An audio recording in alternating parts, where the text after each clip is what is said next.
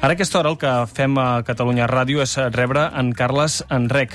Carles, bon dia. Bon dia. Amb eh, tu parlarem del trastorn bipolar, Correcte. que és una de les eh, malalties eh, mentals greus um, de què tracta aquesta marató i que ens aniràs explicant una mica en què consisteix. Uh -huh. um, l'estereotip que tenim tots, i avui també és un dia per trencar estereotips, Correcte. és el de, que, és una, que és una malaltia, un trastorn um, que provoca canvis dràstics d'ambient, una certa imprevisibilitat, um, i sobretot que és una afectació crònica, que això és una cosa que t'acompanya tota la vida i que l'has d'anar gestionant tota la vida.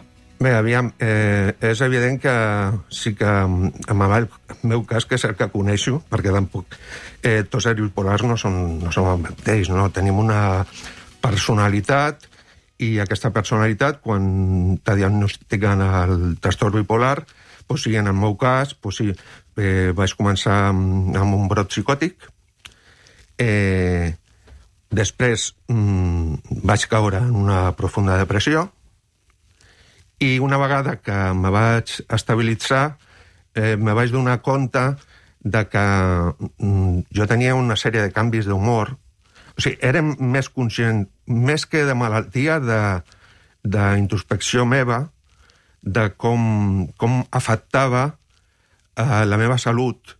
El fet de que eh, a lo millor un dia estava content, dos dies, tres dies, de cop i volta eh, estava trist, trist, de vegades molt, molt trist, i era, com diguéssim, com, com si fos una muntanya russa, no?, el, el meu estat d'ànim, no?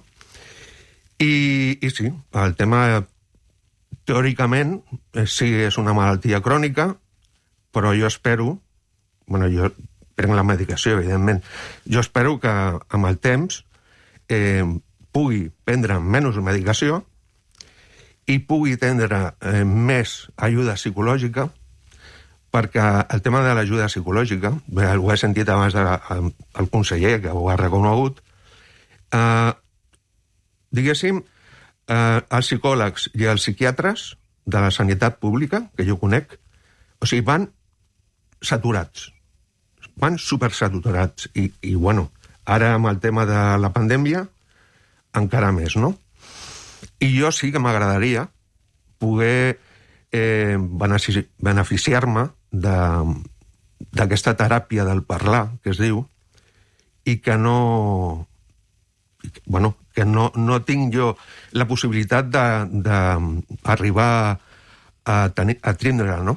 Uh -huh. um, um, avui és un dia en què uh, molts dels testimonis um, que aneu passant per la marató sí. uh, feu molt aquesta diferència entre la teràpia i la medicació. Evidentment quina és la conseqüència de prendre una medicació? És que aviam... Perquè la gent que no en pren potser no entén um, què implica, que no, que no és prendre't una pastilla i seguir, mm. sinó que això té uns efectes um, molt profuns a la teva vida. Clar, aviam, eh, la medicació, sota el meu punt de vista, el que fa és, diguéssim, eh, aliviar els símptomes, no? O sigui, bueno, si estàs puixadet per dir alguna cosa, deprimit, t'ajuden, no? Però Eh, Aplanen aquesta muntanya russa Exactament, però no es va, diguéssim, a l'arrel. No es va a l'arrel. O sigui, per exemple, a mi em, ja, ja m'està bé que hi hagin investigacions de, de genètics, de biòlegs, però a mi el dia a dia, a mi no, no, no m'ha suposat res. Com a persona i els companys que jo coneixo, no? I les companyes. Una persona desesperada te dirà, bueno, que jo he pensat, bueno, i què? Hi ha genètics, hi ha genetistes, hi ha biòlegs, però amb el dia a dia no tinc accés a la psicologia, eh, amb, soc una persona estigmatitzada, eh, tinc anar amb por per la vida, eh, jo em sento un ciutadà de segona categoria en molts aspectes, però en molts. Mm -hmm. Aquest estigma com el vius? Quan dius que ets un ciutadà de segona, um, que, que et sents estigmatitzat, um, explica'ns a què et refereixes. Aviam. Què et troba? Eh... Quan tu li dius a algú, mira, és que jo tinc trastorn bipolar, sí. quina és la reacció de la gent? Bueno, ha O sigui, jo ara he trobat un, un cercle de persones eh, que, diguéssim, m'estan ajudant molt perquè tenen una visió diferent de, de, de, de diguéssim, el que és el que jo he conegut fins ara, no? Potser perquè tenen més informació. I hi ha, hi ha persones que són de ment oberta i, i ho tenen clar de que una malaltia mental pot ser igual que una malaltia de qualsevol mena física, no? I, i hi ha tolerància. Però hi hi ha d'altres, per exemple, jo la feina que, que tenia, en el moment que se van enterar que jo anava a un psiquiatre, ja me van fer la creu. I van aprofitar la primera pf, i, a la, i al carrer. Això és una afectació eh, clara en, en l'àmbit Sí, laboral. sí. No sé si tu- si t'hi has trobat eh, també en, en situacions en què tu hagis vist que clarament la teva malaltia um, t'afectava en les relacions uh, d'amics, amb les relacions de parella, Sí. amb les relacions familiars, a, a Sí. l'hora de poder tindre una vida autònoma, de, no, sé si, no sé si vius sol, si Sí. vius amb algú, uh, i no sé com voldries viure, sobretot. Aviam, jo visc amb la mare, i que és una santa perquè m'aguanta, però, aviam, mm, jo reconeixo que viure amb una persona com jo, diguéssim, és complicat, sobretot per la fase depressiva. Perquè potser 3-4 mesos sense sortir del llit és complicat. I, i bueno, també he après de que el que no li agradi com sóc jo, pues, pues bueno, mala suerte. Un, un recorregut eh, habitual del trastorn bipolar en aquesta muntanya russa, eh, que jo crec que és una imatge que, que ens pot ajudar molt a entendre um, què és um, aquest uh, trastorn, um, és que, um, per dir-ho d'alguna manera, al llarg de la vida, quan, quan et vas fent gran, Mm -hmm. tendeixes molt més a tindre els trossos que van cap avall que no els trossos que van cap amunt amb Sí. aquestes etapes de depressió. No sé si tu és la teva experiència, Sí. si és el que t'està passant. A mi em passa més el de baix, però clar, és que és, és una mica temerari, temerari eh, diguéssim, posant un mateix... Eh, eh, bueno, generalitzar, no? Però hi ha persones que tendeixen més a, a l'eufòria, hi ha persones que tenen un, un brot i, i, i es mantenen estables per sempre. En el meu cas sí que és veritat, jo cada vegada el que tinc són més depressions. Això sí. I, I en aquestes fases, perquè també és una cosa que sol passar amb, la, amb el trastorn bipolar, tens ideacions suïcides, tu? Sí, he tingut un parell de vegades, he tingut... Una vegada ho vaig intentar, eh, me vaig fotre un fotimer de pastilles i es veu que ara no, no podien amb mi i, i bueno, no me va passar res, no? Però el suïcidi jo he viscut de, de prop, molt de prop, i és una tragèdia. I a més, parlant de pandèmies, és una pandèmia sil silenciosa, no? Hi ha dades que cada dia a l'estat espanyol hi ha 4.000 persones que suïciden. Això és terrible. En tot cas, el el que ens diuen les xifres és que és la primera causa eh, de, de mort no natural, sobretot entre els joves. Eh, Et feia aquesta pregunta perquè l'Organització Mundial eh, de la Salut eh, sempre insisteix moltíssim primer en parlar-ne, en parlar dels suïcidis, en parlar de la ideació suïcida, Sí. i després en saber-la interpretar, i en interpretar-la bé, i en entendre que això és, és un símptoma. Sí. És, és, és una manifestació de la teva malaltia mm. i que la gent que ara ens pugui estar escoltant i que pugui, no- necessàriament tinguen uh, trastorn bipolar, però sí dir, doncs jo també he tingut alguna ideació suïcida, uh -huh. uh, que això el que està manifestant és que hi ha algun problema i que és el moment de demanar ajuda. Correcte. Uh, no sé quins són els canals per demanar ajuda. Bé, jo el que coneixo, perquè jo he estat en teràpia eh, per, per un, un amic meu molt íntim, hi ha, hi ha associacions, jo coneixo una, una ajuda, bueno, una, un- és una associació que es diu eh, Ajuda després del suïcidi, i jo vaig aprendre moltíssim. És que les dades que t'he dit, per exemple, jo quan la vaig saber, me vaig quedar de pedra. Mm -hmm.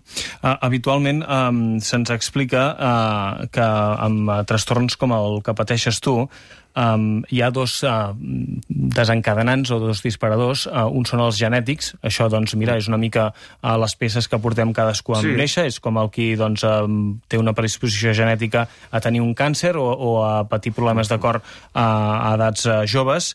I després hi ha un altre uh, factor, um, que és el bioquímic, uh, l'ambiental. No sé si tu has identificat a través de la teràpia que has anat fent, perquè tu et van, et van uh, diagnosticar amb 30 anys. Sí, bueno, uh, sí, a 33, sí. A l'any 95 me van diagnosticar. Portes mitja vida sapiguent que Correcte, tens això. Sí. Uh, no sé... Um... La relació més llarga que he tingut a la meva vida. Sí. M'estàs dient implícitament que també t'ha afectat en l'àmbit de les relacions. Sí, però que, no sé, jo m'agafo amb un mort i dic, ostres, eh, aquesta relació és la que he tingut més... I, bueno, a més la tindré sempre, no? Tu has aconseguit identificar uh, quin detonant va ser el teu, si és que n'hi va haver? Bé, eh, jo sí que, sí que me'n recordo que jo vaig passar 14-15 dies dimunt, eh, dormint molt poc, amb ganes de fer moltes coses, i, i va arribar un moment de que me vaig trobar en hospital clínic, a urgències, Eh, després me van a ingressar al, a un hospital que no existeix, fenopàtic. Me van lligar, que això és interessant, el de contenció mecànica, me van lligar eh, durant tres dies. Allà sí que vaig tindre ganes de morir-me, perquè trobo que és una pràctica injusta, moltes vegades innecessària, i jo vaig començar de debò a plorar, plorar molt, perquè me sentia com, com un, cuc. Diguéssim, ha sigut més traumàtic que el fet de tindre un trastorn bipolar, el fet aquest, no?, de, d'estar en aquella, en aquella situació indefens, no?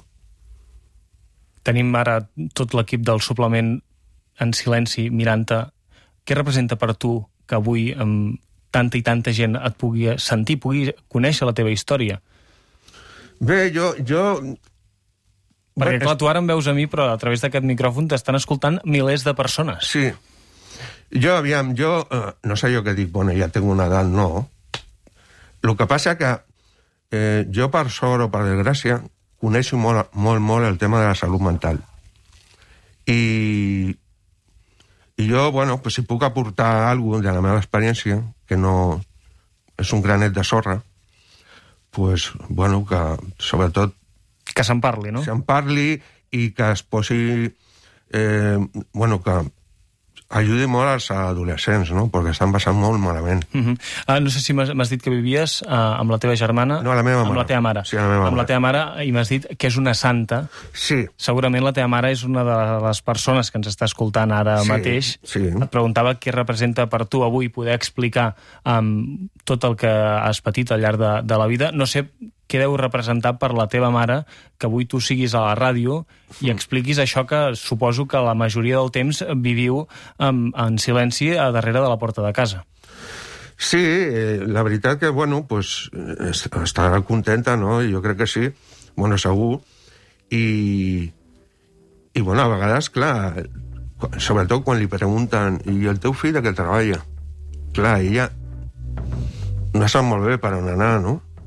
Esperem que a partir d'avui, quan haguem aconseguit enderrocar aquests murs i trencar mm. aquest estigma, eh, doncs, eh, per exemple, en Carles Enrec eh, pugui dir mira, és que jo tinc trastorn bipolar mm. i eh, la gent, en lloc de deixar-te sol, doncs, eh, tingui mecanismes i sàpiga eh, com ajudar-te. Carles, moltíssimes gràcies per haver sigut avui gràcies. al suplement i a la Martó. Puc dir una cosa només? I tant, clar. D'això es tracta, de que diguis el que sí, vulguis. que aviam, eh, que a mi el que m'està servint més que qualsevol teràpia és eh, fer, diguéssim, combatre els meus mostres mentals que tinc doncs, anant a una coral, eh, estar en un grup de, te de teatre, pintar, dibuixar, relacionar-me amb persones d'altres cultures.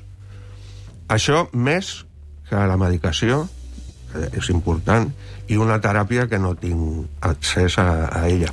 Carles, moltes gràcies. A vosaltres. El suplement de Catalunya Ràdio amb la Marató.